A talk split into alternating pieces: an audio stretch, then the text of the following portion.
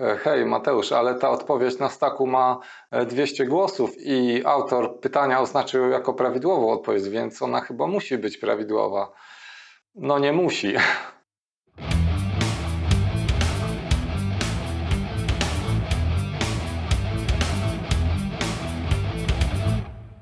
Cześć, witam Cię w kolejnym vlogu na moim kanale i dzisiaj porozmawiamy sobie o dwóch sytuacjach, które spotkały mnie w związku ze Stack Overflow. Stack Overflow to świetny serwis, który pomaga programistom w rozwiązywaniu wielu problemów, takich, które spotykają ich na co dzień. Mi też e, wiele razy Stack Overflow bardzo, bardzo pomógł e, i, i tak jakby jest to naprawdę świetne narzędzie i w sumie ciężko dzisiaj wyobrazić sobie e, pracę programisty bez takiego serwisu jak Stack Overflow. Ale Stack Overflow, tak samo jak każde narzędzia, ma też e, swoje słabe albo ciemne strony, jak wolisz.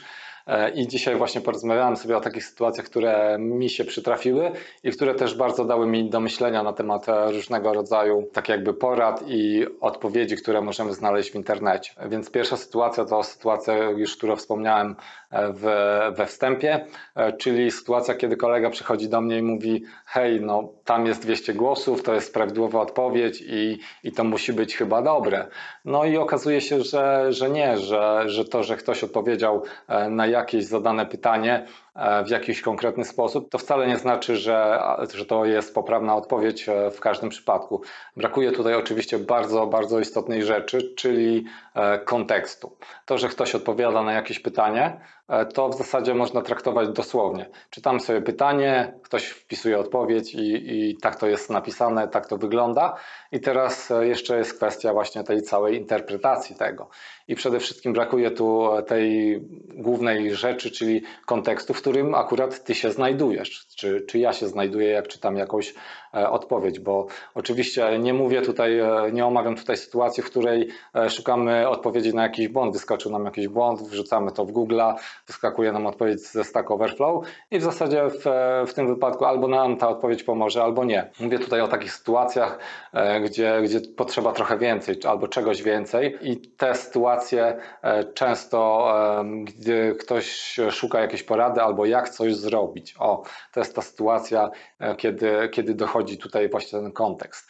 E, Bo jeśli ktoś pisze pytanie, jak zrobić to i to, i ktoś na nie odpowiada, czytając to pytanie, to często ta odpowiedź jest dosłowna, dosłowną odpowiedzią na, e, na to pytanie. Natomiast jeśli włączymy do tego kontekst, w którym my się znajdujemy, to już nie jest tak, tak różowo, bo cały kontekst może po prostu sprawić, że ta odpowiedź na dane pytanie jest zupełnie do wyrzucenia, jest zupełnie do kosza, albo e, możemy ją zastosować, ale na przykład możemy ją zastosować w jakimś prostym programiku edukacyjnym i, i to będzie ok, to będzie działać. E, Są różne konstrukcje, czy w Javie, czy przy użyciu jakichś bibliotek, które e, w zasadzie w wielu przypadkach są e, błędne, są, można je stosować, ok, ale w zasadzie takie konstrukcje e, mogą wyrządzić nam więcej szkody niż, e, niż korzyści. Więc e, trzeba zawsze wziąć poprawkę na to, co e, czytacie w internecie, że e, ktoś odpowiada w jakimś kontekście, e, albo w tym kontekście, który on jest, albo w kontekście pytania, które rozumie dosłownie. Bo często jest tak, że ktoś pomagając innej osobie nie pyta, hej, dlaczego ty tak robisz? A co ty tak naprawdę robisz? A po co ty to robisz? I, I często ja też się tym, na tym łapię, odpowiadając różnym osobom u mnie na grupie na Facebooku. I właśnie, nie, często nie pytam, hej, dlaczego tak robisz, po co tak robisz, tylko od razu odpowiadam. Ktoś zadaje pytania, ja odpowiadam, hej, to może zrobisz tak i tak. I okazuje się, że ktoś inny pyta, e, hej, dlaczego ty to tak robisz, a może tu powinieneś zrobić coś innego. I, I tu właśnie dochodzi ten kontekst, że nie wiemy, w jakim kontekście jest osoba, która zadała pytanie, Nie wiemy, w jakim kontekście jest osoba, która odpowiada na to pytanie, i wiemy natomiast, w jakim my jesteśmy kontekście, i to, czego jeszcze nie wiemy, to to, czy te wszystkie konteksty pasują do siebie. Najczęściej jest tak, że, że te konteksty nie pasują. My zwykle jesteśmy w innym kontekście, i cały kontekst robi, e, nasz kontekst robi bardzo wielką e, różnicę. Więc e, to, że e, jest tam gdzieś na staku jakieś e, pytanie, które ma nawet czasem kilka tysięcy odpowiedzi, to wcale nie znaczy, że w naszym przypadku, w tym, który akurat teraz rozpatrujemy, to ta odpowiedź będzie poprawna, bo naprawdę jest wiele sytuacji, które e, wykluczają daną odpowiedź, e, czy to będzie zapytanie jakieś e, SQL-owe, czy to zapytanie JPA, czy cokolwiek, czy użycie Hibernate'a w jakimś kontekście. Być może u kogoś coś się sprawdziło w takiej prostej formie, a być może my potrzebujemy zupełnie czegoś innego. Być może tutaj dochodzi jeszcze problem wielkości danych, które mamy, albo ogólnie jakaś wydajność, która jest problemem i w zasadzie różne odpowiedzi trzeba rozpatrywać e, poprzez pryzmat tego, co nas otacza, a nie to, co jest tam gdzieś napisane i zaznaczone na zielono. My bardzo często chcielibyśmy, żeby to, co jest gdzieś tam e, jakoś prawidłową odpowiedzią, czy jest zaznaczone na zielono, że chcielibyśmy, żeby to było prawdziwe, no ale często jest tak, że, że tak, e, tak nie jest. Kolejna ciekawa sytuacja, która spotkała mnie w związku ze e, Stack Overflow, była to sytuacja, gdzie szukałem odpowiedzi na jakiś błąd i oczywiście znalazłem jakiś wątek na stacku. Sytuacja wyglądała tak, że ktoś pyta, jak rozwiązać jakiś problem. Było tam wiele odpowiedzi, ludzie wklejali e, fragmenty swojego kodu i tak dalej. No i w końcu ktoś odpowiadał, hej, użyj tej tej biblioteki, bo ta biblioteka rozwiązuje właśnie ten problem e, w bardzo taki dobry sposób. Po czym osoba, która zadała pytanie, odpowiada, że no niestety nie może używać żadnych bibliotek, E, i bo, bo po prostu dział security nie pozwala na użycie zewnętrznych bibliotek, co oczywiście e, może się wydawać dziwne. Po czym e, ta osoba, która dała tą odpowiedź z biblioteką, pyta, to możesz używać randomowego kodu przeklejonego z Stack Overflow niesprawdzonego, a nie chcesz używać biblioteki, która, którą stosuje tysiące ludzi i jest ona przetestowana i sprawdzona wielokrotnie na produkcji. No i tak, właśnie tak to wygląda, że niektórzy e, wolą albo niektórzy e, używają jakiegoś randomowego kodu z, gdzieś tam przyklejonego ze staka, nie zastanawiając się nad tym, jaka to jest konstrukcja, jakie konsekwencje ze sobą niesie. Być może to rozwiązanie, które przyklejają jest bardzo nieoptymalne. Też tak e, często może być. E, no a zamiast mogą użyć po prostu sprawdzonej biblioteki. Natomiast zastanawiałem się trochę nad tym użyciem e, bibliotek.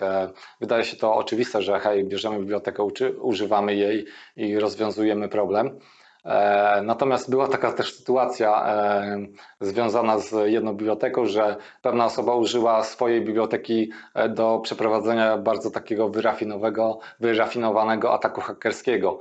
Była taka sytuacja, że ktoś dołączył do jakiegoś projektu open source, zaczął się w nim udzielać, po czym zaczął korzystać z jakiejś biblioteki, którą sam stworzył i po prostu wciągnął ją do kodu tego projektu open source, używał jej tam przez jakiś czas, po czym czym po jakimś czasie zmienił tą swoją bibliotekę, którą dołączył do tego projektu w taki sposób, że ona robiła jakieś tam nielegalne akcje, powiedzmy wykradała dane, nie pamiętam już dokładnie tej sytuacji. I, i po, w ten sposób przeprowadził taki e, skomplikowany dosyć e, atak hakerski, bardziej może socjotechniczny i udało mi się właśnie w ten sposób skutecznie przeprowadzić ten atak, więc dołączanie też e, bibliotek może być ryzykowne, więc to na co trzeba zwrócić uwagę to to e, jak ta biblioteka jest prowadzona.